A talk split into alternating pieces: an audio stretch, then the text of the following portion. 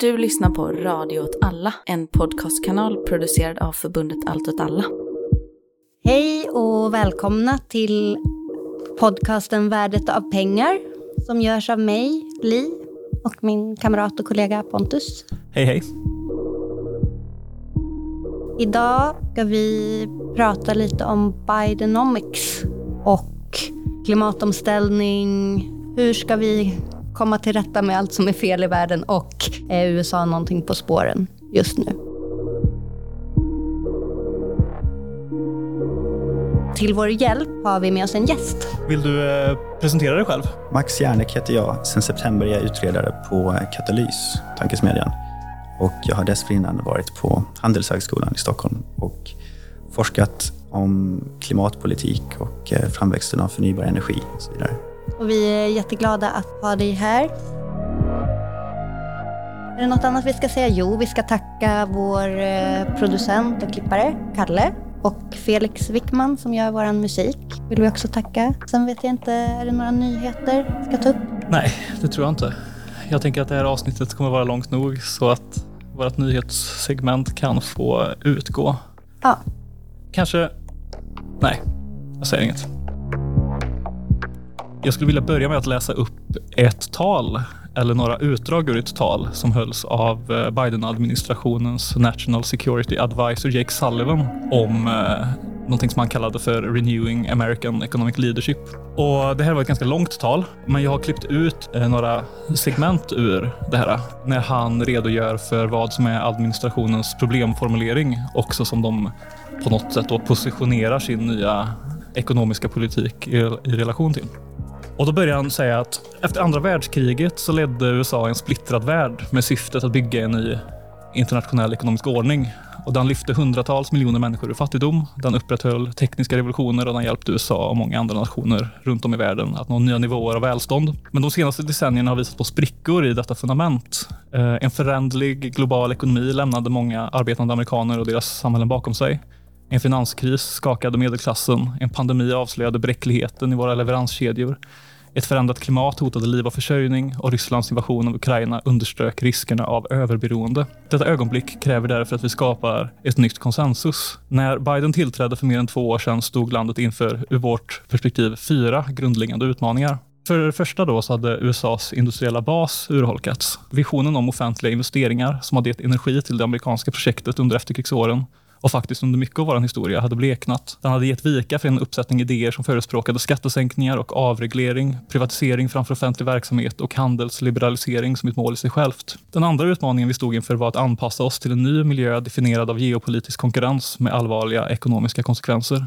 Och den tredje utmaningen vi stod inför var en accelererad klimatkris och det akuta behovet av en rättvis och effektiv energiomställning. Och slutligen stod vi inför utmaningen med ojämlikhet och dess skada på demokratin. Det här var det rådande antagandet att frihandelsdriven tillväxt också skulle vara inkluderande tillväxt. Att vinsterna av handeln skulle komma alla till dels. Men faktum är att dessa vinster inte nådde många arbetande människor.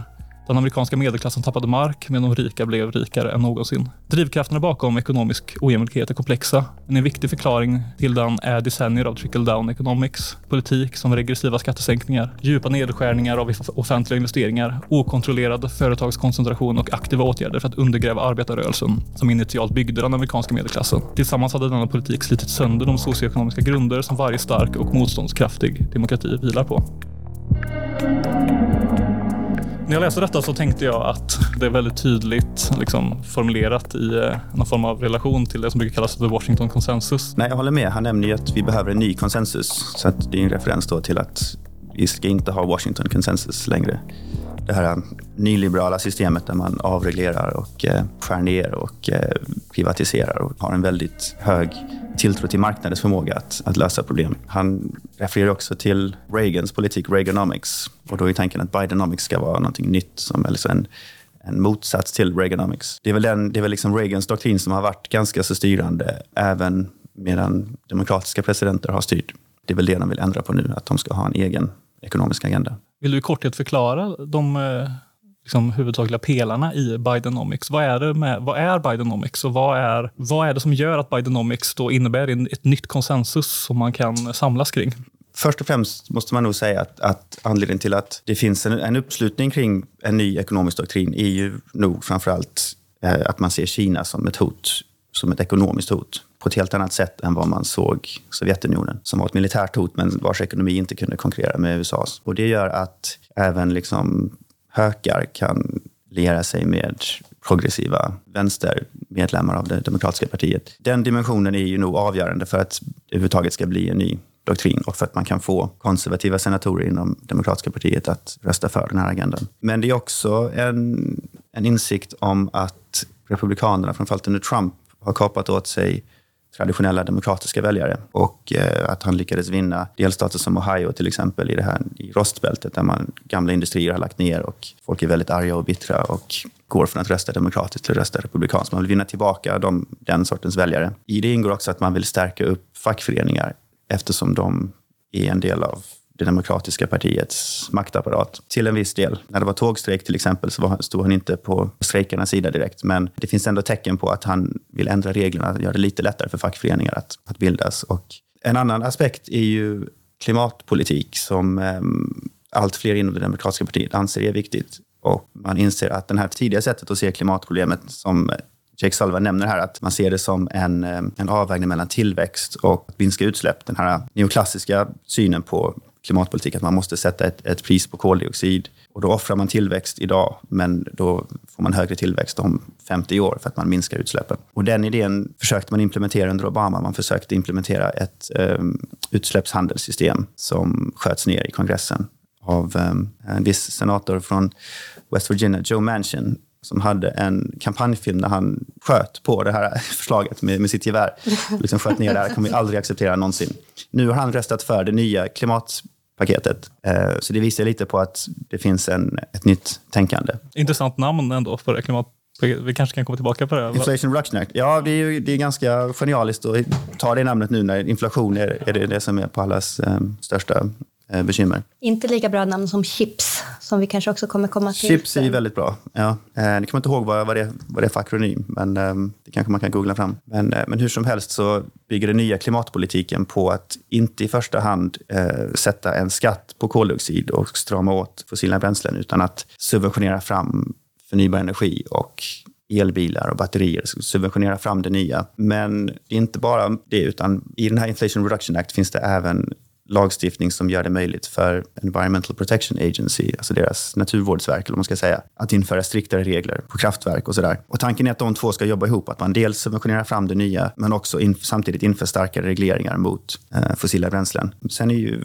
frågan om det kommer gå. Det är ju Högsta domstolen som ibland avgör om de här nya reglerna som EPA ska ha, om de kommer gå igenom eller inte. Men det finns en sån strategi att, att subventionera fram och använda klassiska miljöregleringar och inte använda prismekanismen, inte använda ett pris på koldioxid. Och, och, och det systemet för eh, utsläppsrätter som då föll i eh, den amerikanska kongressen, var det liknande till sin design som det som EU har exempelvis? Um, det var ju samma princip. Jag kan, jag kan inte riktigt svara på om det var hur pass likt det var Nej. i design, men det är samma princip i alla fall. Ja, och USA, så USA har inte för närvarande någon typ av eh, utsläppshandel eh, för sin, som sin industri behöver förhålla sig till på det sättet som exempelvis en svensk har? Uh, nej, inte, uh, åtminstone inte på federal nivå. Nej. Det kanske finns på delstatsnivå, det kan jag inte svara på. Men uh, de har inget övergripande som, som EU har. Jag kan bara flika in att jag har googlat vad CHIPS står för nu.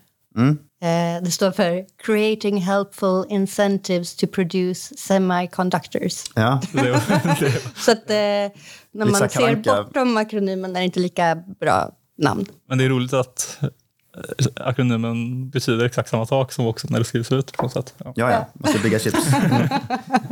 Ja, vad är substansen i då IRA, the Inflation Reduction Act? För det här är ändå kärnan på något sätt, själva liksom grundbulten i det som brukar kallas för Bidenomics, som jag har förstått det rätt. Liksom en av de tyngsta pelarna. När man pratar om Bidenomics, vad innehåller detta liksom politikpaketet för någonting? IRA är ju en av kärnorna, skulle man nog kunna säga. Men jag skulle nog säga att Bidenomics är dels så kan man säga att det var det här första stimulanspaketet som de lanserade precis när Biden kom in för att verkligen säkerställa att ekonomin återhämtade sig efter pandemin. Eh, att man inte gjorde som Obama gjorde 2009 och ha ett eh, ganska litet stimulanspaket eh, utan att man slår på den stora trumman och satsar stort så, att man håller upp efterfrågan medan det är kris. Och sen IRA och CHIPS och ehm, det här infrastrukturpaketet, de satsar på att stärka utbudet. Man kan se det som en sammanhängande idé där, att man ska eh, se till att upprätthålla efterfrågan i kris så att inte företag går i konkurs så att inte människor hamnar på gatan. Och sen då stärka upp med eh, utbudsfokuserad politik, att man, att man stärker produktionen, man stärker tillverkning och infrastruktur också. Sen så från början kan man säga att det fanns ganska stora välfärdsambitioner också. De hade en väldigt generös välfärdsstat just under pandemin och eh, man hade ju en arbetslöshetsförsäkring som var betydligt större än något europeiskt land. Bara för att rent administrativt så var det lättare att ge folk 600 dollar i veckan än att göra något annat. Så att folk fick mycket högre arbetslöshetsförsäkring än vad de hade i lön till exempel under en kort period. Och sen så hade man stopp för räkningar och eh, kanske till och med för hyreshöjningar på somliga ställen. Man hade väldigt generösa utbetalningar till barn så att barnfattigdomen minskade väldigt snabbt. Och nu börjar alla de här välfärdsambitionerna försvinna och det fanns förhoppningar inom de mer progressiva delarna av Demokraterna att man skulle göra dem permanenta. Men det skedde inte, utan eh, det som finns kvar är just det här eh, makroekonomisk stabilisering, liksom keynesiansk stimulanspolitik eh, och industripolitik för att stärka upp nya industrier. IRA är väl det som är fokuserat på klimatteknik i första hand. Och det innehåller dels eh, stora skattelättnader åt företag som vill tillverka batterier och elbilar och solceller och vindkraftverk och så vidare i USA. De här subventionerna är, man får lika mycket pengar per produkt oavsett hur många man producerar. Så det är väldigt tilltalande att använda de här subventionerna för att skala upp sin tillverkning. För då kan man ganska snabbt få skalekonomier så att man kan bygga många fler produkter på väldigt kort tid. Just det, det är inte bara så att man får en... Att det delas ut en summa till en, nya företag som kan ha lite svårt i början, utan Nej. det gäller också över hela brädet. Precis, mm. att ju större man blir, desto, desto bättre blir de här mm. subventionerna. Så att det är en stor skillnad mot EU där man har en ideologisk förkärlek just mot de här tidiga faserna. För att där anser man att det finns ett tydligt marknadsmisslyckande som staten kan fylla upp. Men sen så tänker man att man ska absolut inte ge subventioner åt regelbunden tillverkning. Och det där går ju tillbaka i um, handelspolitiken också långt tillbaka i tiden. Att om det är någonting man får ha överseende med så är det infant industries mm, eventuellt. Mm, precis. Um, som kan mm. få subventioner, men allt annat är off limits. Precis, um, så det är, det är, ett stort steg. Och det är ju framförallt då i respons på Kina som har en, där hela banksystemet är statligt och de kan subventionera hur mycket som helst genom det. Um, och det finns också, de har också ett program för att ge uh, lån och bidrag till ehm, ny teknik, alltså i de tidigaste faserna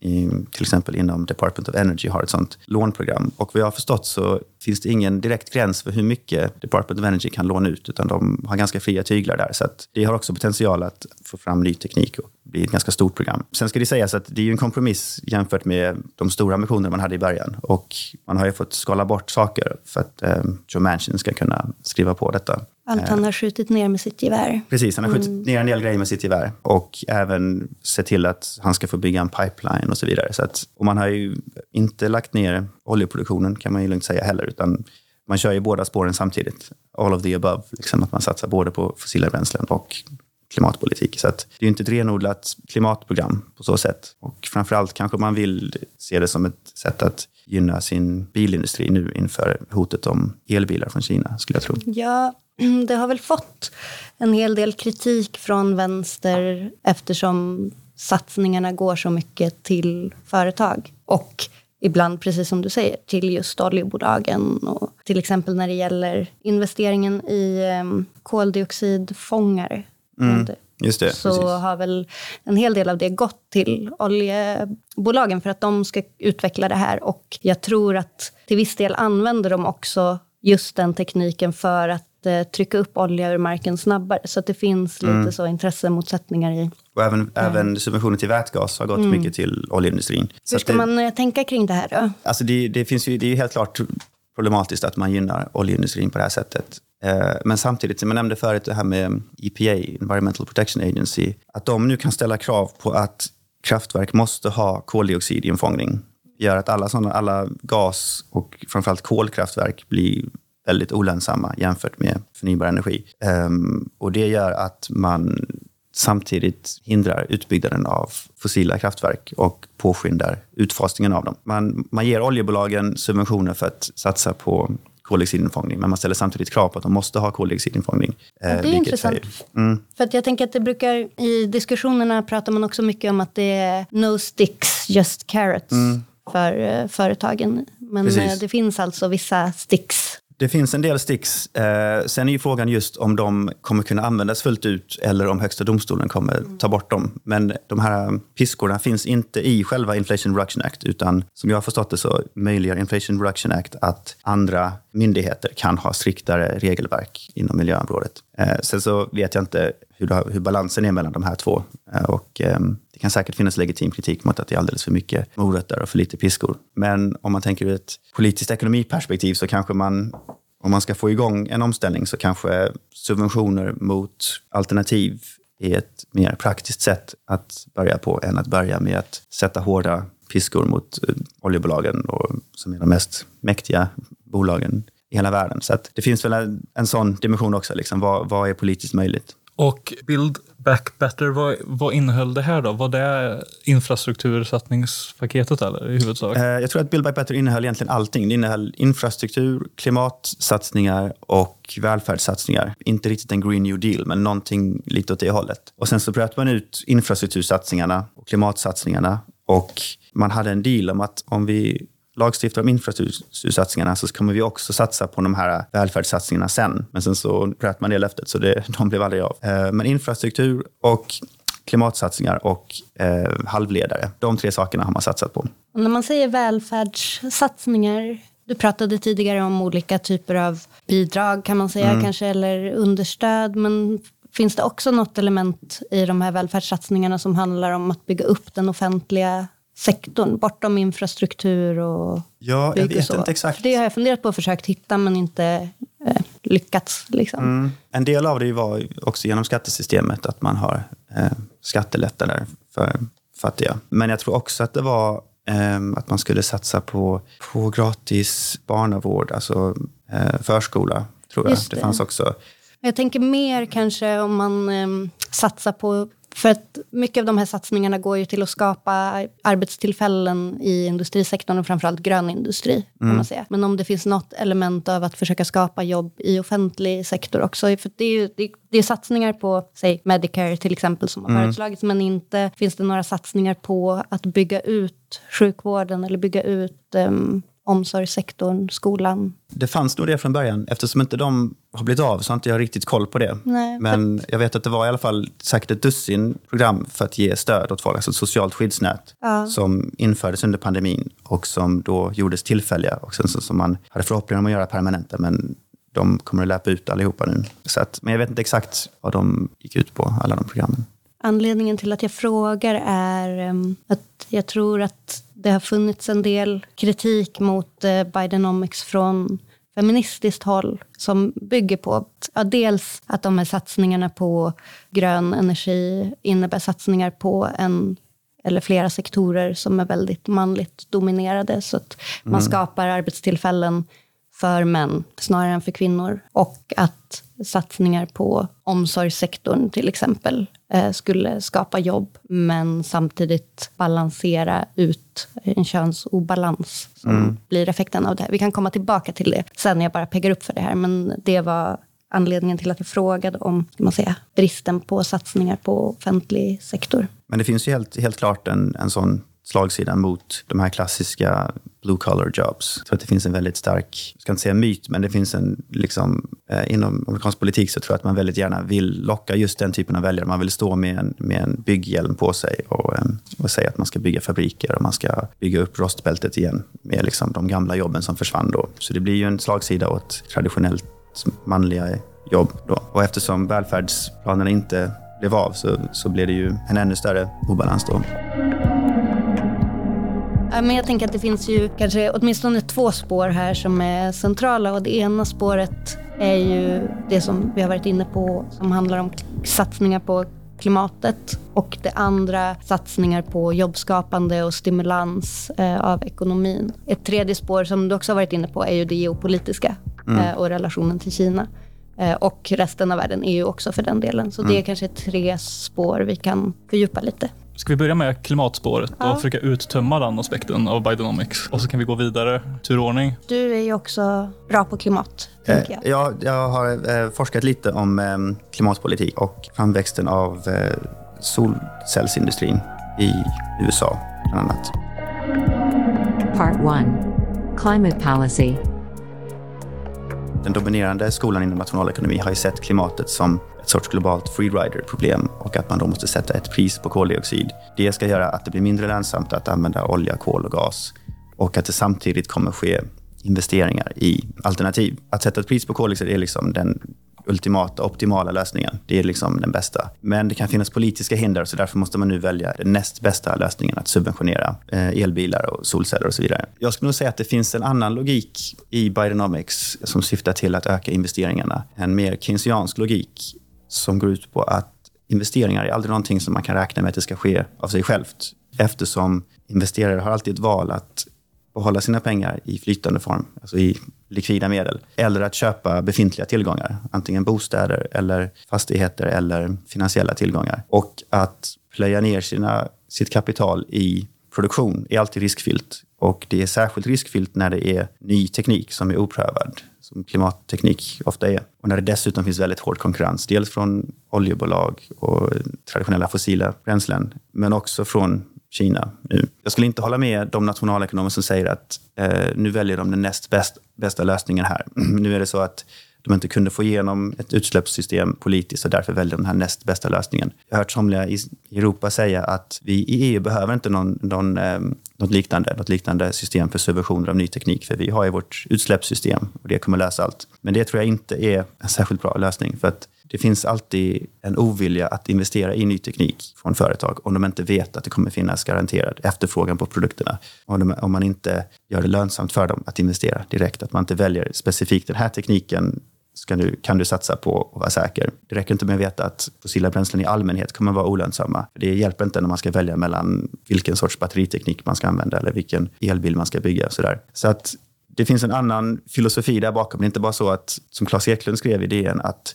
säkerhet trumfar eh, ekonomisk effektivitet, utan det finns en annan ekonomisk logik bakom. Och jag, jag, jag, tror att man har sett hur snabbt Kina har kunnat skala upp tillverkningen av klimatteknik. Till exempel inom elbilar så har det ökat från nästan 0 procent av världsmarknaden till kanske uppemot 15% av världsmarknaden på bara några få år. Det går liksom raketsnabbt uppåt för kinesisk elbilstillverkning. Och samma sak inom vind och solenergi innan dess. Jake Sullivan nämnde ju också i sitt tal där att USA riskerar att hamna i ett eh, sekellångt beroende mot Kina på grund av att Kina kontrollerar alla råvaror och alla den produktionen av själva liksom, rotnivån av den teknologin som behövs för att göra batterier, för att göra elbilar, för att göra halvledare och sånt där. 90 procent av jordartsmetallerna exempelvis för batteriteknik tror jag utvinns i Kina exempelvis. Det finns ju ingenting som naturligt säger att en utsläppshandel eh, ska skapa skapa handelskedjor som kan frigöra USA från det här beroendet. Men investeringar kanske kan stimulera fram, då, är tanken, om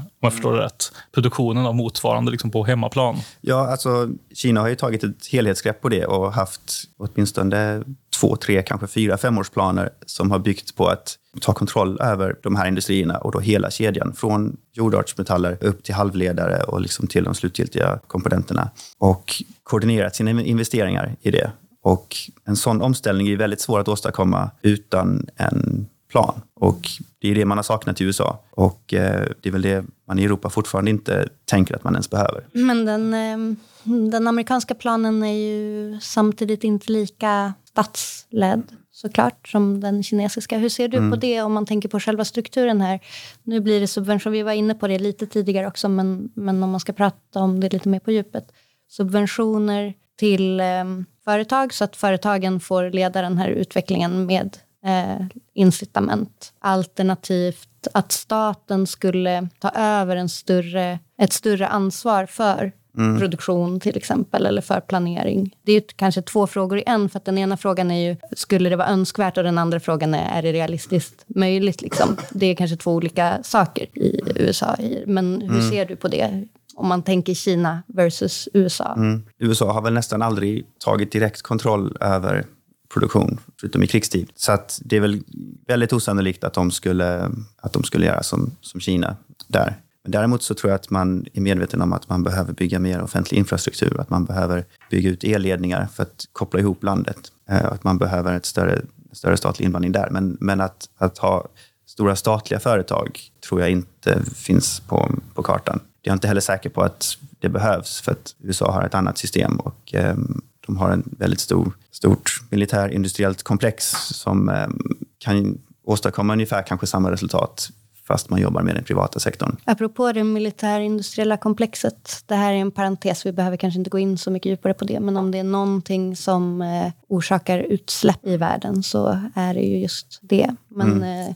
Absolut. Det finns inga, ingen del av eh, Bidenomics som lyfter den aspekten. Det skulle jag inte tro att det finns. Det är förstås eh, väldigt eh, politiskt känsligt ja, i USA. Mm. Um, man, alltså, finansieringen till militären har, har sjunkit långsiktigt i USA sen kalla kriget ändå. Så att det, det, är inte lika stort som det var en gång i tiden i förhållande till ekonomin. Men det är ju fortfarande större i absoluta tal. Och det har inte sjunkit av klimathänsyn? Nej, absolut inte. Eh, och det, det, tror jag inte heller är någon som, som, eh, som tror. Bidenomics har lyckats få med, om man ska säga klimataktivister eller politiker och akademiker i USA som är fokuserade på klimatfrågan. De har fått dem ombord för att de ändå gör en hel del saker för att bygga upp alternativ och i somliga fall för att ställa hårdare krav på, på kraftverk. Men det är ju ingen tvekan om att det är Pentagon som är den, den starka parten och att mm. Bidenomics först och främst är en geopolitisk strategi gentemot Kina och att eh, klimatvinsterna kanske då kommer i, i andra hand. Om vi återgår lite till den investeringsfrågan som du tog upp, Li. Om man tänker att vi alla är såklart överens om att det är inte sannolikt att det är nära förestående att USA skulle börja socialisera sin produktion, men att i vilken utsträckning är investeringarna liksom statligt styrda, även utan att liksom gå över gränsen inom citationstecken att börja eh, ta över kontroll över företag direkt så finns det också ett utrymme att styra investeringsflödena i väldigt specifika riktningar mot mm. teknologi som man, specifika teknologier som man tycker ska växa, eller specifika företag som man vill premiera. För även Kina har ju, en eh, stor del av det, dess industri är ju fortfarande privat, men, men, men liksom styrd med så kan man säga, marknadens väldigt synliga hand i Kinas fall. Liksom. I vilken utsträckning har liksom Bidenomics tagit makten över investeringsflödena och också styra dem? Och i, vilken, och i vilken utsträckning är det mer ett carte blanche, att är det grön teknik så får ni pengar? Det, det är väl snarare det sistnämnda då, att, att man ger väldigt förmånliga subventioner och skattelättnader framför allt till just grön teknik, eh, till halvledare. Man har inte så mycket piskor för att, för att eh, stänga ner gamla industrier. I allmänhet inom industripolitik så är det väl just det här, finns det väl en sån obalans att det är alltid lättare att gynna framväxten av nya industrier än att fasa ut de gamla. Det är alltid mycket svårare. Förhoppningen är väl kanske att de nya alternativen ska konkurrera ut de gamla marknadsmässiga villkoren. Men det är fortfarande marknaden som eh, ska sköta uppgiften att allokera de här resurserna till de mest produktiva gröna industrierna. Det är så här, staten eh, dyker upp med en ny extra stor påse pengar för mm. grön, grön energi, men det är fortfarande hur de här fördelas och hur de liksom allokeras mellan olika industrier och så där. Det är lite hands-off från statens sida i det avseendet. Mm hands-off är det kanske inte riktigt. Man är ändå man är inblandad också i de tidiga skedena att ge lån och eh, bidrag till lovande tekniker. Så att man är med och styr där också i början. Och sen så sätter man upp villkor för vilken sorts produktion som ska få skattelättnader. Så att man, man, man styr ju tillflödet av nya investeringar. Även om man kanske inte stramar åt gamla investeringar direkt. Apropå det och det vi nämnde förut eh, med ehm, carbon capture, koldioxid fångande. Och så det är en sån sak som man tänker borde kunna betraktas som en infrastrukturfråga snarare. Mm. Eh, lite som det som en gång i tiden kallades för sewer socialism, när man för att eh, rena eh, avloppsvatten och så gick in från delstatligt håll i alla fall och försökte mm. dyra upp det. Eh, men är det någonting som har diskuterats, att till exempel eh, koldioxidfångandet skulle kunna arrangeras på federal eller delstatlig nivå och liksom hanteras av staten mer direkt än bara genom pengapåsar till vissa företag? Ja, alltså jag vet faktiskt inte hur pass seriösa diskussioner har varit om det. För det finns ju en möjlighet att ha koldioxidinfångning just som, som avlopp till exempel. Ja. Att det, det, är liksom en restprodukt som, som den offentliga sektorn tar hand om och liksom gömmer bort. Så att, men jag vet inte riktigt hur det ligger till med det eh, måste jag säga. Men eh, jag antar att det måste byggas infrastruktur för att, för att eh, få ner koldioxiden till rätt geologiska formationer mm. och sådär. Det kommer ju vara statlig inblandning på så sätt, men jag vet inte om just den här sewer socialism-vinkeln har fått särskilt stor uppmärksamhet. Jag tror ju att eh, oljebolagen vill nog gärna att de här pengarna till koldioxidinfångning ska gå till tillfalla dem. dem. Tillfalla mm. dem ja. Ur ett klimatperspektiv, vilka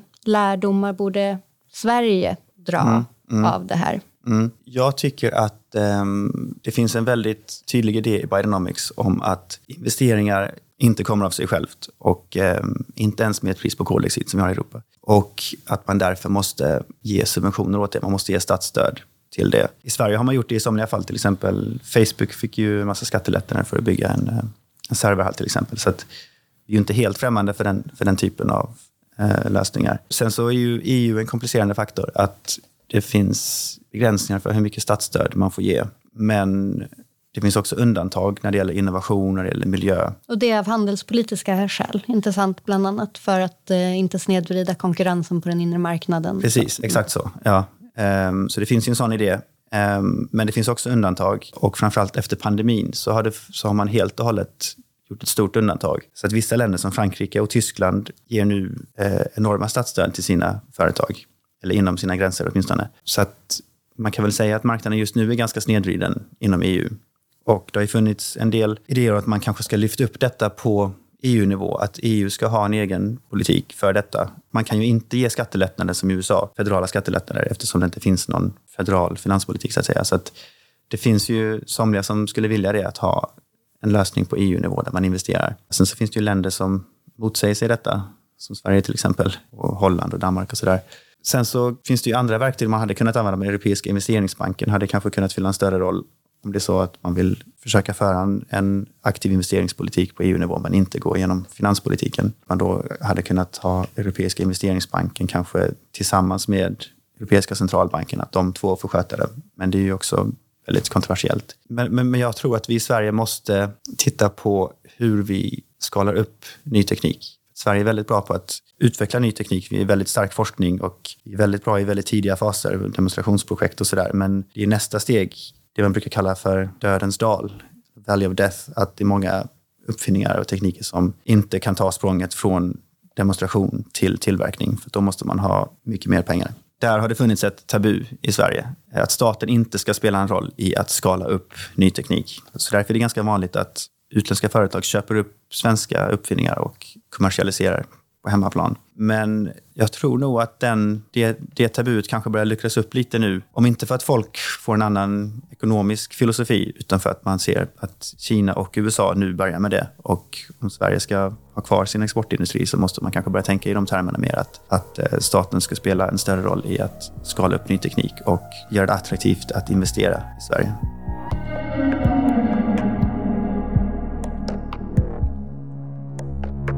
Part 2 Geopolitics.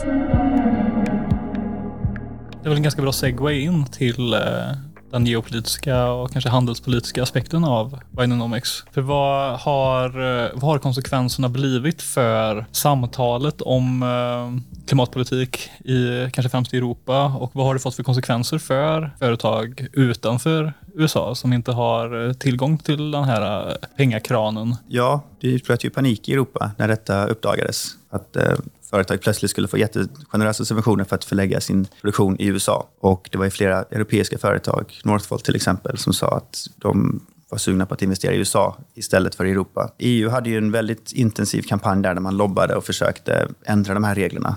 Man lyckades ändra reglerna när det gäller elbilstillverkning så hade USA ett förslag att om man ska tillverka elbilar i USA så måste man göra det med arbetskraft som är fackligt ansluten. Man måste kunna få bilda fackföreningar. Inte minst då för att uppmuntra investeringar i eh, norra USA och de här, de här gamla rostbältstaterna och inte så att alla pengarna skulle gå till republikanska delstater där man är, har väldigt hårda restriktioner mot fackföreningar. Men europeiska bilföretag har ju förlagt sin produktion framförallt i södern och i delstater där man är väldigt antifacklig. Så att de lyckades lobba USA att ta bort de kraven. Man, man villkorar inte subventionerna till elbilstillverkning med att man ska ha fackligt ansluten arbetskraft, utan det lyckades EU få bort. Har de gjort några, för det, det känns ju som en, eh, ett svar som bara är liksom riktat mot att liksom, hålla tillbaka USAs liksom, stimulans Mm. av deras egen industri. Eh, har EU gjort någonting för att liksom, hålla jämna steg med att också gynna sina företag på något sätt som, eh, som inte bara dämpar USAs snedvridning Mm. av konkurrensen utan också försöker liksom, på något sätt boosta sina, sina egna kapitalister på hemmaplan? Ja, alltså det, fin- det finns ju en sån plan från EU-kommissionen. Och man har tidigare också haft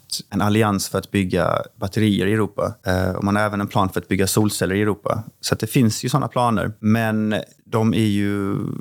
Jag tror inte att det finns några riktiga muskler bakom dem. De är inte heller så realistiska när det gäller de här mm, målsättningarna om att produktion ska ske i Europa och att man ska frikoppla sig från Kina. För att Kina har ju ett enormt försprång inom de här industrierna och får ett högre eller ett längre försprång as we speak. Liksom. Så att man ligger ju väldigt långt efter och måste börja springa snabbare än Kina för att komma ifatt. Och det tror jag inte man kan. Man får väl i så fall kanske satsa på nischer som kineserna ännu inte har lyckats bemästra. Men, men, men det finns, det finns sådana planer från EU-kommissionen, men jag tror inte att de är så lätta att implementera och jag tror inte heller att de har de här riktiga summorna bakom sig som skulle behövas.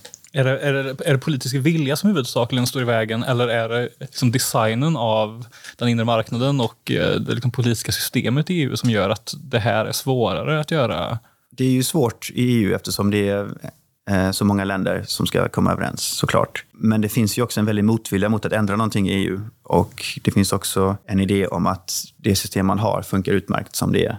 Och att man det finns ju såklart ett väldigt stort ideologiskt motstånd mot allt vad industripolitik heter. Sen har det ju ändrats på senare tid, framförallt liksom i EU-kommissionen och eh, Frankrike har ju alltid varit ganska så öppet för industripolitik så att det finns ju en sån fransk-spansk axel kanske som är mer inne på att EU ska möta Kina och USA lite mer med samma mynt. Men sen så är det ju då Tyskland och de här små länderna, Sverige och Holland och och Danmark och så vidare som, som håller emot. Försprånget som du pratade om som Kina hade, i hur stor utsträckning beror detta på att Kina har bedrivit en liksom statsledd industripolitik länge på detta området? Och hur, hur, i hur stor utsträckning beror det på liksom, typ geologiska förutsättningar i Kina när det kommer till liksom, kontroll över vissa av de här typer av resurser? Är det så att Kina har av slumpen stor andel av världens eh, reserver av jordartsmetaller inom sina nationella gränser? Eller har de lyckats säkra eh, liksom logistiknoder och sådär genom liksom, den nya eh, Silk Road, eller vad man kallar det, genom att liksom, knyta upp och få och, liksom, inmuta tillgång till sådana saker från Afrika och Latinamerika och så där. Är det en kombination eller hur mycket av det är liksom, hur mycket av Kinas försprång är en aktiv politik och hur mycket är liksom att ha liksom fördelat sig på det sättet av eh, slumpen? När det gäller sådana här ovanliga jordartsmetaller som behövs för att bygga solceller och så vidare så kan det hända att de har haft tur geologiskt. Men jag tror också att det är att de har satsat på att bryta de här metallerna. De, de kallas ju ovanliga, alltså rare earths, ovanliga jordartsmetaller. Men de är inte ovanliga egentligen, utan det är för att de inte bryts i särskilt stor skala. Malm är ju egentligen inte ett geologiskt begrepp, utan det är mer ett ekonomiskt begrepp. Att när någonting blir tillräckligt lönsamt att bryta så räknas det som malm. Men man kan ju också börja bryta det här innan det blir lönsamt just för att förbereda sig. Och man vet om att det här är en del av vår plan. Att om tio år så kommer vi behöva massvis av de här metallerna. Då kanske man sätter igång och bryter dem i god tid innan dess och prospekterar, letar upp var de finns och bygger upp en, en industri för det. Um, så det är kanske både tur och um, planering där. Och sen så kan det säkert stämma att man har avtal med afrikanska länder och så vidare. skulle inte förvåna mig. Inom industri så är det ju mer, där är det inte geologiska eller geografiska förutsättningar. Där är det ju dels aktiv politik, men också hur Kina är uppbyggt institutionellt. Att det finns en kombination av väldigt aktiv industripolitik på lokal nivå. Att varje provins eller varje stad, eller vad man ska säga, eh, gynnar sin egen industri och att de sinsemellan konkurrerar stenhårt. Så att om en provins börjar bygga solceller så ska alla andra göra det också samtidigt. Och sen så öser de pengar över det och sen så konkurrerar de och de kan konkurrera väldigt länge för att ingen går någonsin i bankrutt. Och sen så i slutändan då så kanske det, det blir några få företag kvar efter 15 år kanske. Den dynamiken har man sett inom massa nyindustrier i Kina, den här stenhårda konkurrensen mellan, mellan provinser som drivs av att det subventioneras på lokal nivå. Och sen så närmare fram i modern tid, alltså nu senaste årtiondet, så har centralmakten tagit ett större ansvar också och fört en mer centraliserad industripolitik för det här. Solcellerna uppstod kanske framför allt just som lokala initiativ, men har sen blivit en eh, prioritet för centralregeringen. Så att framför allt handlar det om att Kina har en någon sorts planekonomi. De har liksom, kommandohöjderna i ekonomin är under statlig kontroll, vilket gör att de kan ha femårsplaner, tioårsplaner för att planera och koordinera investeringar. Och sen så drivs de ju också av en vilja att utvecklas och att industrialisera och att gå om väst. Och de har också en uttalad plan att satsa på industrier där det, en, där det inte finns ett övertag för, för västliga företag. Till exempel inom, eh, inom bensinbilar så har ju tyska biltillverkare ett enormt försprång. Men inom elbilar, som fortfarande är en ny industri, så kan man ganska snabbt komma in och bemästra den utan att det finns någon befintlig konkurrent som man måste ta itu med. Så det gör också att man har satsat på de här nya klimatvänliga teknikerna, även om klimatet inte är det som, som eh, driver dem för att uttrycka det milt. Parallellt med detta så har Kina fortfarande en extremt snabb expansion av kolbrytning exempelvis. Mm. Och eh, när man läser artiklar om som, eh, så, och så, som beskriver Kinas satsningar på grön teknologi så är det lätt att få intrycket av att det här skulle drivas av någon form av eh, hänsyn för klimatet. Men det, fin men det finns samtidigt en, en fossil expansion som mm. också är gigantisk i Kina om jag har förstått det rätt. Ja, de, de, de bygger väldigt många kolkraftverk fortfarande. Sen så tror jag i och för sig att, att de här kolkraftverken går på lägre och lägre kapacitet. Men eh, de byggs i alla fall och det är också ett utslag av den här decentraliserade strukturen för Kina. Också att sättet att upprätthålla sysselsättning och efterfrågan är genom att investera. Så att om det börjar gå lite dåligt i en provins så bygger man nya kolkraftverk, för då får man igång den lokala industrin. Men även energisäkerhet är viktigt där, tror jag. Att man, man har mycket kol inom landet och man vet att då kommer vi vara säkra vi blir blockerade. Men eh, det är ju definitivt ett problem. Det har ju, från, från centralt håll har det funnits en ambition om att bygga färre kolkraftverk och att eh, strama åt det där. Men jag tror inte att de riktigt har fått grepp om det än. Apropå det här med investeringar som stimulans, apropå mm. Kina då. Om vi återgår lite till det också i Bidenomics, den tanken. Var ska man få pengar ifrån då? Att investera? Ja.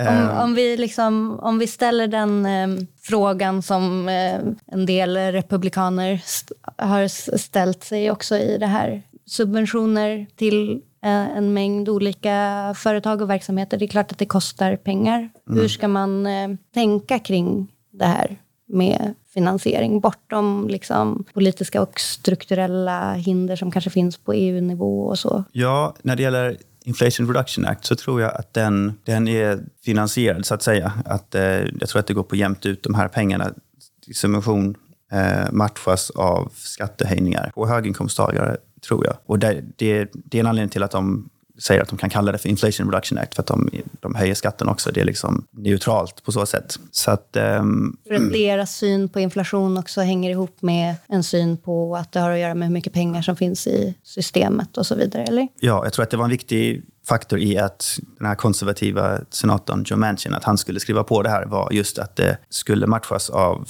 skattehöjning, att det inte skulle vara inflationsdrivande. Mm. Jag tror att det var till och med Larry Summers som eh, övertalade honom att rösta för detta just för att det skulle minska inflationen. Så att han har gjort någonting bra i alla fall, Larry Summers. Eh, när, det gäller de här, när det gäller det första paketet som Biden lanserade, alltså the CARES Act på 1,9 biljoner, som mest var i stöd för att hålla ekonomin flytande under, under pandemin, då var det ju underskottsfinansierat. Och det var dessutom det tredje paketet efter två likadana under Trump. Under pandemin spenderade man ju utan att tänka på statsskulden eller liksom underskottet bara för att hålla ekonomin igång. Så, så det, men det, eh, med tanke på att inflationen sen tog fart så kan jag tänka mig att det, det, finns en motvilja mot det och att det just därför Inflation Reduction Act var viktigt att det inte skulle vara underskottsfinansierat. Sen är det ju så att eh, man vet ju inte hur stora summorna blir i slutändan och de här skattelättnaderna gäller ju som sagt till alla som uppfyller kriterierna kan ju få ta del av de här skattelättnaderna. Eh, så man vet inte hur mycket pengar det blir i slutändan. Men samtidigt så är det ju inte så att den amerikanska staten spenderar pengar, utan det är ju att den inte tar in så mycket skatt som den annars hade gjort på investeringar som annars inte hade skett kanske. Man ska få investeringar i USA som inte hade skett annars och då har man skattelättnader på det. Så man kan ju se det som att det är, det är ingenting som gör att pengarna kommer ta slut i så mån. Liksom. Ska man vara rädd för underskott? Om jag tycker det personligen? Ja. Ja. Eh, om nej, du vill svara på det? Inte i sig. Nej, det tycker jag inte. Men man, man ska vara medveten om hur de påverkar ekonomin och om det är risk för att ekonomin ska överhettas, om det är hög inflation som beror på att det är för hög efterfrågan, så är det klart att, att underskott kan driva på det ytterligare. Men under pandemin så berodde inflationen på att eh, utbudet höll på att, att bryta ner, bryta ihop. Att liksom leverantörskedjor gick sönder och fabriker stängde ner och det var lockdown och så vidare. Så att i det läget så hade att inte spendera de här pengarna hade ju sannolikt gjort att företag gick i konkurs och eh, det blev en sorts depression. Så att det hade ju, man hade kanske inte fått samma inflation eh, som man annars hade haft, men man hade, sam, man hade fått en djup lågkonjunktur. Men kanske mer inflation samtidigt också, för att pandemin liknar ju ganska mycket omställning som sker i krigstid. Att man skiftar över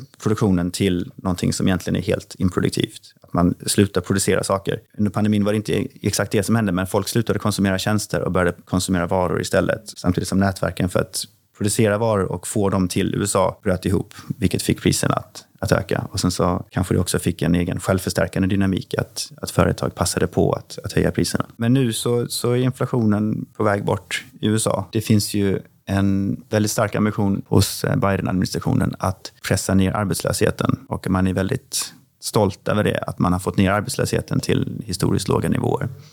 Just tack vare de här stimulanserna som skedde under, under pandemin. Om inflationen nu fortsätter sjunka och håller sig nere, om man, att man lyckades få ner inflationen utan att det krävdes att arbetslösheten steg och utan att det krävdes en lågkonjunktur eller en recession. Det tror jag kommer stärka den idén inom eh, amerikansk politik, att politiker kan och bör hålla arbetslösheten nere. Det är någonting som, som inte egentligen har varit på tapeten sedan eh, Jimmy Carters dagar. Så det tog väl slut då med att när, han, när Jimmy Carter valde att utse Paul Volcker till centralbankschef och han valde att bekämpa inflationen genom att höja räntorna till skyhöga nivåer. Det är liksom en återgång till den här mer klassiska keynesianska idén inom makropolitiken. Om nu inflationen fortsätter att hålla sig låg så tror jag att den idén kan bestå i det demokratiska partiet.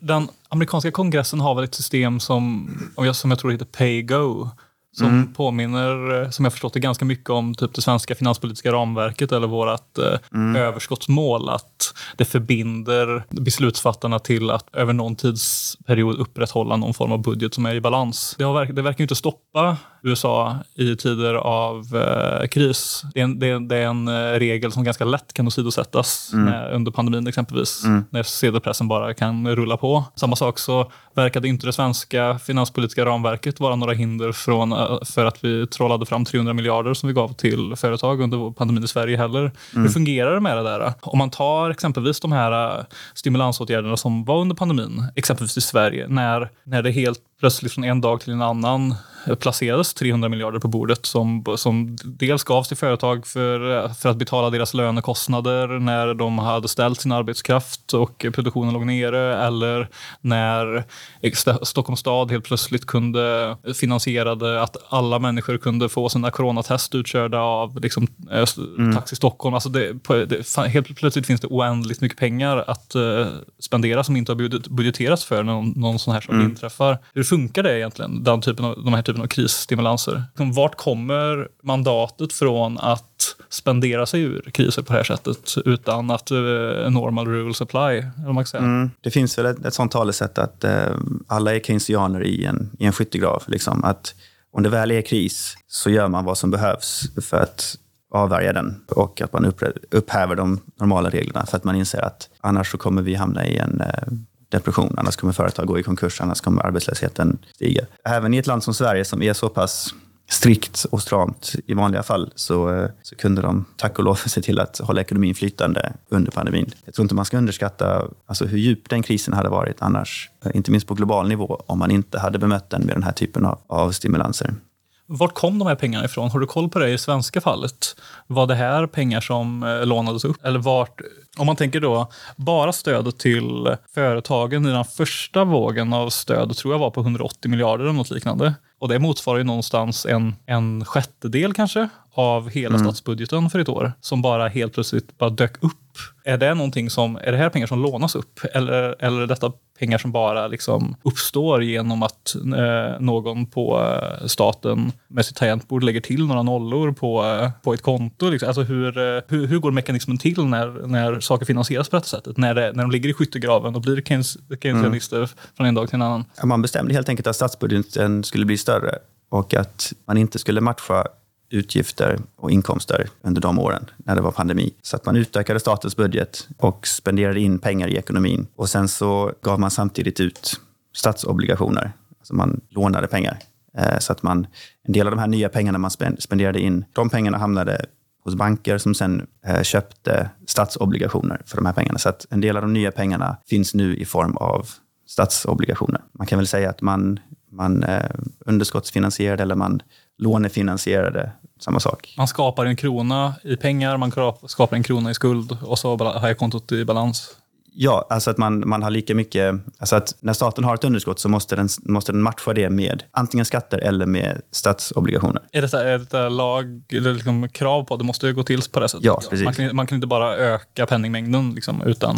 Eh... Eh, jag, jag, tror inte det i alla fall. Eh, jag vet inte om, om det finns någon sån möjlighet, men eh, så som det går till i vanliga fall är att, att eh, varje gång det finns ett underskott så, så ger man ut statsobligationer för att matcha det. Och, så, och det gäller på samma sätt även i USA? Ja.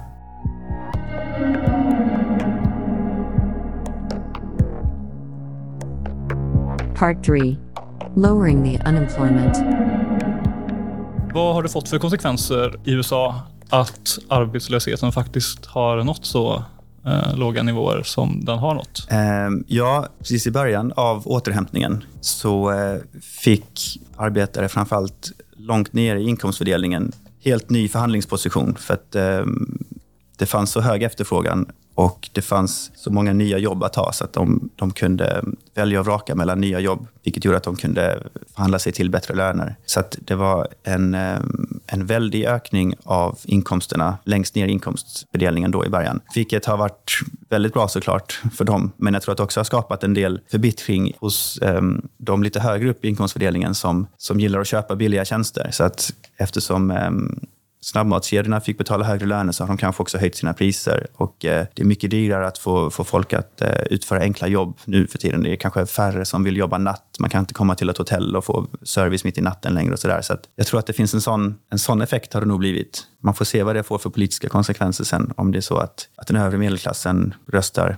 republikanskt istället och om det kan avgöra valet. Men eh, för de längst ner så har det definitivt varit en, en förbättring. Och arbetslösheten var ju ganska låg, eller var ju väldigt låg precis innan pandemin också. Det som hände med de här stimulanspaketen var att ekonomin återhämtade sig otroligt snabbt. Alltså på en helt annan tidsskala än efter 2008 och efter krisen 2001 och efter krisen 91 och sådär. Så man har ju, man har ju fått en, eh, en så kallad högtrycksekonomi där man där det är väldigt högt tryck och löntagare kan välja och vraka bland jobb. Det i sin tur leder på arbetskraftsbrist i somliga sektorer, vilket skapar ett omvandlingstryck på företag. Att de behöver, de behöver anpassa sin produktion. De kanske behöver införa teknik för att spara arbetskraft. De kanske behöver erbjuda bättre villkor. De kanske behöver utbilda arbetskraft på ett annat sätt. Att arbetslösheten sjunker får ju väldigt stora effekter utöver just de här procenten som går från att vara arbetslösa till att få jobb. Så att det skapar liksom en, en annan maktbalans på arbetsmarknaden. För den ligger på 3,5 nu eller mm. något sånt va? Att jämföra med vad är Sverige, 6,4 kanske? Ja, jag såg att, att den beräknas öka till 8,4 ja. snart. Eh, sen ska det ju sägas att det är svårt att jämföra USA och Sverige rakt av på det sättet. Och i Sverige så har vi ju framförallt mycket, mycket högre sysselsättningsgrad. Det är, mycket, vi har många fler i i Studier och också? Ja, dels det. Eh, men vi har fler kvinnor som arbetar till exempel. Så vi har en högre andel av befolkningen som räknas som sysselsatt.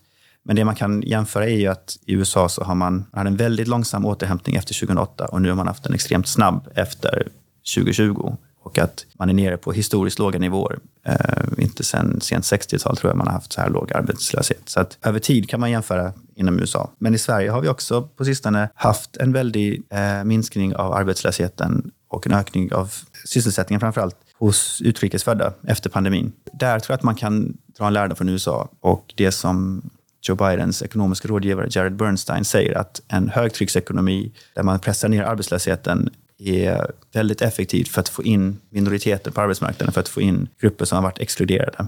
arbetslösheten bland afroamerikaner är lägre än vad den någonsin har varit nu tror jag. Och på samma sätt så har man i Sverige sett att pandemin har liksom ändrat om kartan på arbetsmarknaden. Jag tror att det var många som har lämnat yrken som hotell och restaurang under pandemin att allting stängde ner. En hel del som har lämnat vårdyrken till exempel och att det öppnas upp nya platser för utrikesfödda och att de nu plötsligt kan, kan komma in. Och samtidigt har vi en ganska så stark exportframgång nu i Sverige tack vare den svaga kronan. Så att jag tror att den här ändringen vi har sett nu med ökning av sysselsättning bland utrikesfödda beror på att exkluderade grupper har fått har fått förutsättningar att komma in, att det har lämnats platser öppna helt enkelt. Det har skapats upp, öppnats upp ett utrymme för dem. Så att jag tycker att det är mycket av den här retoriken om att felet ligger hos invandrarna i sig, att de saknar kompetens, att de saknar rättfärdigheter. Jag tror att mycket av de bekymren löser sig om man väl ser till att skapa nya jobb och öppna upp arbetsmarknaden, att, att, att öka efterfrågan och släppa in dem på arbetsmarknaden så tror jag att många av de problemen kan, kan lösas och att, eh, att de inte kan språket kan ju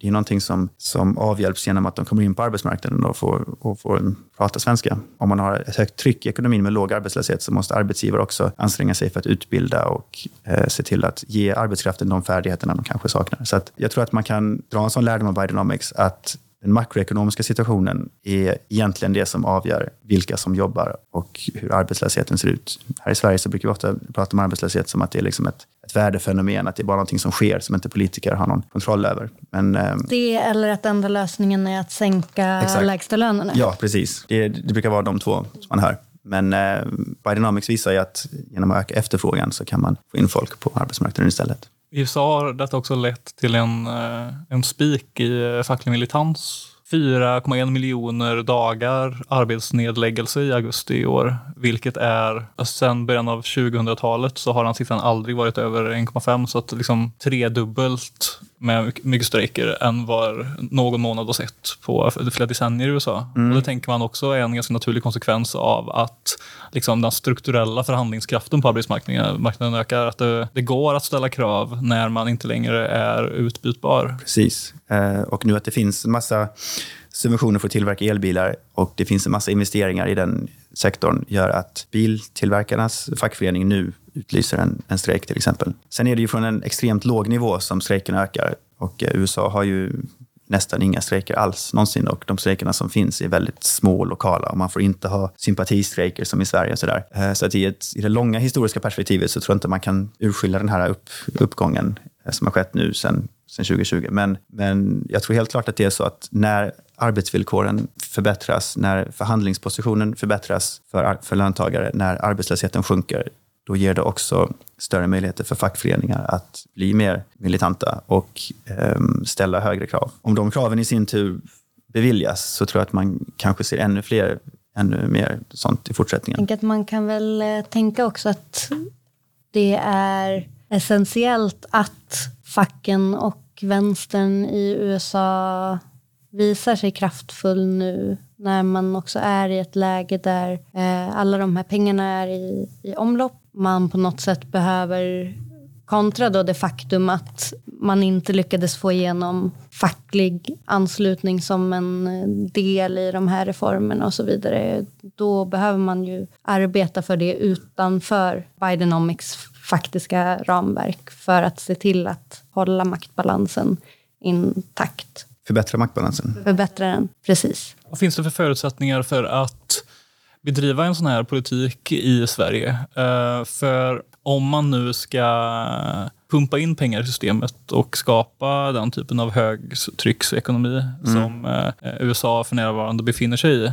kräver det på något sätt att staten skjuter till mer pengar än vad den tar ut mm. ur systemet. Om vi skattefinansierar våra satsningar så kommer staten plocka bort lika mycket pengar som, eh, som den skjuter till. Mm. Hur kompatibelt är det med att driva en eh, underskottspolitik eh, i Sverige med det finanspolitiska ramverket? Eh, I vilken utsträckning måste... måste för det, det, den här podden är ju en, en, en stor hatare av det finanspolitiska mm. ramverket. Vi har varit inne på detta tidigare. Mm. Behöver det finanspolitiska ramverket bort? Måste vi bli av med överskottsmålet för att kunna driva en... Eh, om sossarna skulle bestämma sig att de helt plötsligt ville driva en radikal mm. eh, underskottspolitik mm.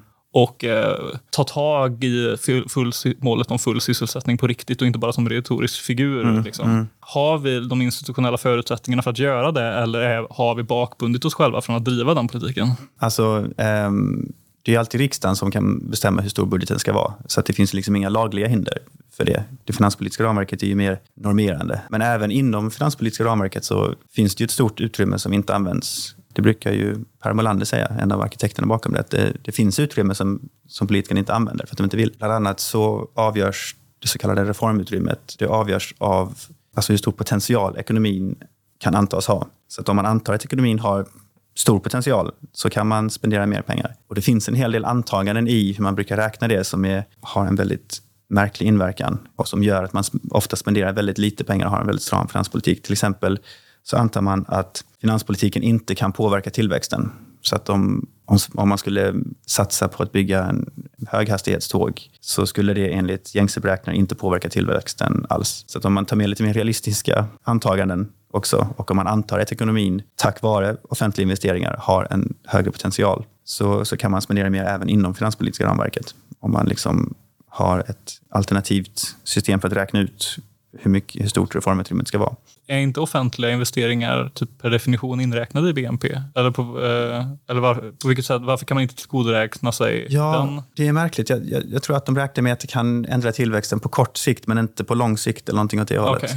Jag måste kolla upp det där. Men... det känns som en typisk eh, liksom, sak som... Eh, jag ifrågasätter inte att det är så. Det, det, är så. det känns som det alltid är sådana eh, saker som mm. begränsar eh, folk från att driva en politik som de vill driva. Men det är ändå fascinerande att just den grejen för det känns som att alla borde vara överens om att... Ja, man kan tycka det. Det är också så att man, man beräknar ekonomins potential genom att ta ett genomsnitt över de senaste 30 årens BNP-tillväxt. Och eftersom den nu också har blivit formad av en väldigt stram finanspolitik så blir det ju självuppfyllande också. Att man har haft en väldigt stram finanspolitik som gör att tillväxten varit väldigt låg. Då tänker man, ah, okej, okay, men då ett genomsnitt av senaste 30 årens tillväxt är ganska låg. Alltså antar vi att ekonomin har ganska låg potential. Och det betyder att vi inte kan spendera så mycket, för i så fall överhettar vi ekonomin och skapar inflation. Det finns en sån självförstärkande dynamik också i hur man, hur man räknar det här. Det man räknar med är att ekonomin överstiger sin potential det är när arbetslösheten sjunker under den så kallade jämviktsarbetslösheten, som också är ett helt påhittat begrepp. Så det finns ju mycket man kan ändra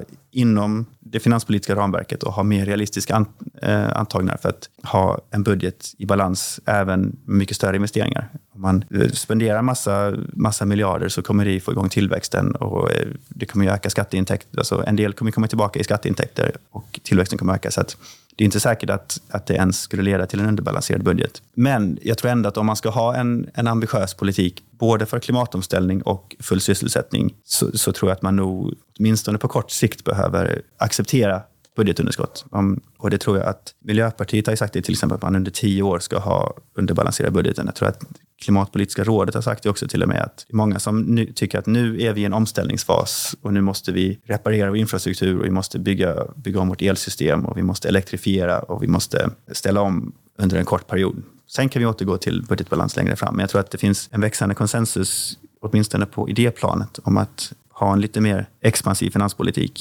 och till och med S vill ju inte ha kvar överskottsmålet längre, de vill ju ha ett balansmål. Så att det rör sig lite grann i alla fall, men jag tror att man behöver verkligen pusha för det. Vad skulle hända om vi eh, bestämde oss som eh, land för att eh, gå med 300 miljarder i underskott per år? Säg att vi skulle gå med Ja, jag hittar bara på en siffra. Mm. Säg att, säg att staten mm. skulle gå med 10% underskott varje budget de kommande tio åren. Och vi märker att det, om vi skulle märka att det här var inflationsdrivande, hur kan man hantera det Eh, på ett eh, mer konstruktivt sätt än att bara sluta.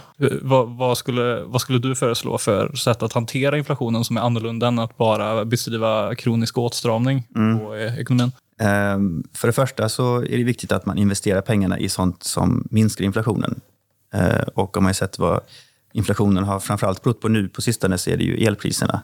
Så att man investerar i överföring och elproduktion ehm, så kanske det ändå inte räcker eftersom EUs elmarknad ser ut som de gör, så man kanske behöver omreglera elmarknaden också. Men om man investerar i sådant som, som ger produktion och om man investerar bort flaskhalsar och framförallt satsar på de här verkligen strategiska priserna som, som energi till exempel, då tror jag att man kan man minska inflationen på sikt. Så du, tror att, du tänker att investeringarna i sig är liksom, de kan ha en funktion som inflationsdämpande i sig? På sikt har de det på, på, på kort sikt så är de inflationsdrivande eftersom det blir nya pengar i systemet, vilket allt annat lika ökar inflationen. Men på sikt så kommer ju ett, ett elsystem utan um, de här svagheterna vi har sett nu under Ukraina-krisen kommer ju minska inflationen ganska så drastiskt. Och sen så kan man ju, i klimatomställningen måste man ju bygga ut en del sektorer, måste också strama åt andra. Så att jag tror att om man ska strama åt ekonomin för att minska inflationen så kan man göra det selektivt istället för att som nu strama åt liksom helt urskillningslöst. Så att det är bättre i så fall att strama åt sånt som vi vill se mindre av. Typ rika människor? Och så kan vi kan beskatta dem Ja, ja visst. och ta bort pengar. Precis, ja. Eh, dels liksom rent eh, inkomstfördelningsmässigt, att man har progressiva skatter och beskattar eh, rika människor som har högre utsläpp än, än andra. Men också sektorsmässigt, att man subventionerar vindkraft men stramar åt skogsbruk, om det nu är dåligt för klimatet. Jag, jag tror att man måste knyta inflationsbekämpningen till industripolitik. Jag tror inte man kommer undan det och jag tror att nu, med tanke på hur, hur stor del gaspriserna spelade i den senaste inflationsepisoden så tror jag att de flesta inser att man måste ha någon industripolitisk plan för inflationsbekämpning. Hur ser det ut eh, om man tänker i USA? Där har vi ju oljebolagen som är en väldigt stark maktpolitisk faktor och som också då har haft eh, viss påverkan på utformningen av Bidenomics indirekt liksom, i och med att allting inte är politiskt möjligt eller gångbart. Hur ser det ut i Sverige med de politiska eller eh, lobby slash maktfaktorerna i industrin som skulle kunna begränsa den här typen av klimatpolitiska satsningar eller framförallt då i åtstramningsledet. Liksom. Mm. Ja, vi är ju lyckligt lottade på ett sätt. Eller vi har varit eh, också framsynta i och med att vi har skapat ett nästan helt fossilfritt elektricitetssystem. Eh, så vi har inte några oljebolag eller några kolbolag, annat än då Vattenfall ibland kanske, att, eh, att tampas mot. Sverige ligger också ganska bra till kanske för att tillverka elbilar istället för bensinbilar och ellastbilar. Så att jag tror att det finns nog ändå ganska bra förutsättningar för Sverige att bedriva en industripolitik som, som gynnar de flesta stora tillverkningsföretag i Sverige. Skogsindustrin är kanske då ett stort undantag, för där rent klimatpolitiskt så är, är det ju bäst om skog, skogen får vara i fred så mycket som möjligt. Så att där finns ju en tydlig sån konflikt. Men i övrigt så tror jag liksom att industrin och framförallt den exportinriktade industrin kan nog fås att vilja ha en ganska aktiv klimatpolitik. Och det tycker jag man ser också, att, att de gärna vill, vill ha en mer progressiv klimatpolitik än både den här regeringen och den förra. Det som står emot är väl kanske snarare att det finns en, en falang som inte vill gynna tillverkning och eh, produktiv industri utan snarare vill gynna de här välfärdsparasiterna. Att regering, det verkar som att regeringen nu drivs framför allt av en vilja att bevara vinsterna i välfärden och att det är prio nummer ett. Så man kan väl säga att det finns, att man kan se en sån konflikt mellan produktivt kapital som man kan få med på klimatpolitik, att man kan satsa på att Sverige utvecklar teknik som kan säljas internationellt, som kan få Kina att enklare ställa om. Att man, om man säljer fossilfritt stål till Kina så skulle det kunna minska utsläppen globalt. Mot den här då mer eh, välfärdsparasitiska falangen, skulle jag tro. Att det finns en sån konflikt snarare i Sverige.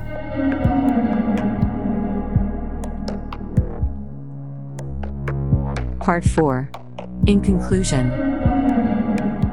Jag har en sista fråga som jag skulle vilja ställa och det är varför ska vänstern vara intresserad av en aktiv industripolitik? Vad spelar det för roll för människor som är organiserade i eh, vänsterorganisationer som arbetar i den fackliga rörelsen eller som eh, är medlemmar i Vänsterpartiet eller som tillhör, tillhör den breda vänstern. Kan säga. Vad, vilka incitament finns det för att vi ska investera vår tid i ett projekt som syftar till att staten ska bedriva en aktiv industripolitik? Vad, vad är, vad är på spel? Liksom? Först och främst tycker jag den viktiga saken är klimatpolitiskt. Att jag tror att man behöver en aktiv industripolitik för att ställa om samhället och att minska beroendet av fossila bränslen. Och det är ju en rättvisefråga eftersom klimatförändringen drabbar de som är mest utsatta, som har, som har bidragit minst till att skapa problemet, Det är också de som är mest utsatta. Inte bara de som lever idag, utan de som lever i framtiden. Det finns ju en, en rättvisefråga där som gör att man, om man är lagd åt vänster, att man skulle vilja ha en aktiv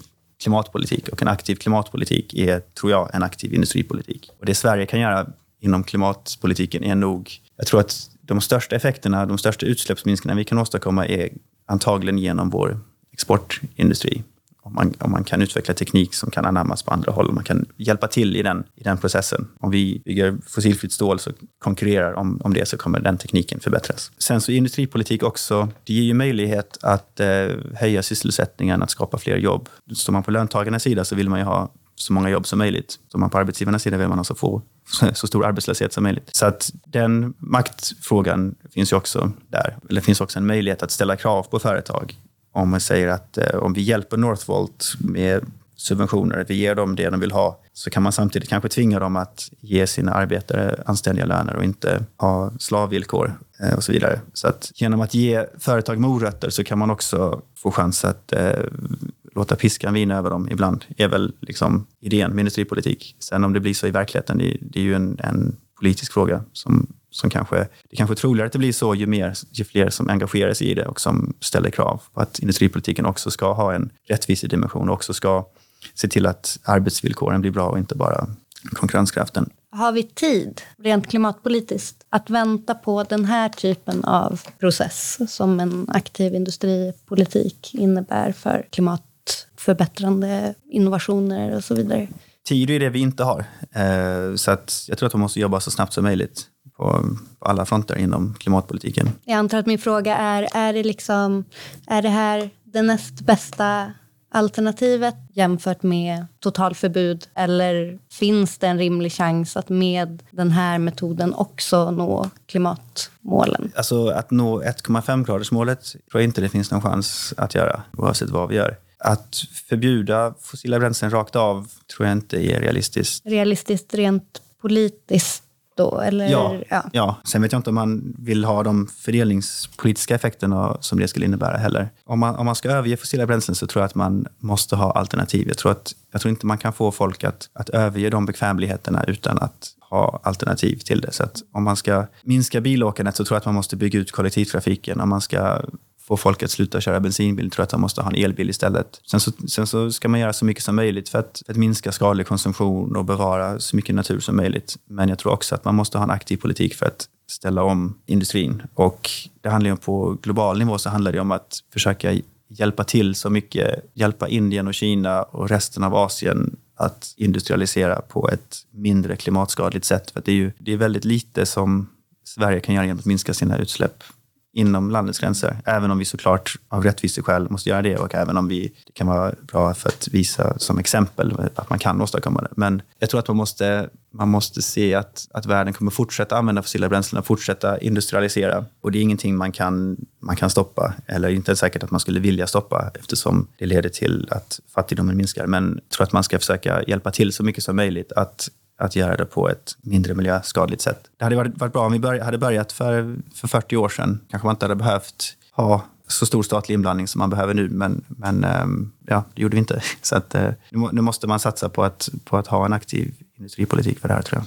Hur hindrar man detta från att bli ett projekt när eh, samhällets gemensamma resurser flödar in eh, till de här industriernas ägare? Hur blir liksom fördelnings... Om man, om man tänker att man som politiskt projekt ägnar sig åt att hålla vinstnivåerna uppe för industrier som annars hade varit olönsamma exempelvis och att man investerar och på något sätt socialiserar det som ändå är kapitalets skyldighet om de vill göra vinst, det vill säga att faktiskt eh, komma med investeringarna själva. Hur, hur kommer man undan problemet att vi skapar en, en ekonomisk situation där gemensamma pengar på något sätt håller en industri under vingarna som de sen kan leva på ränta ur?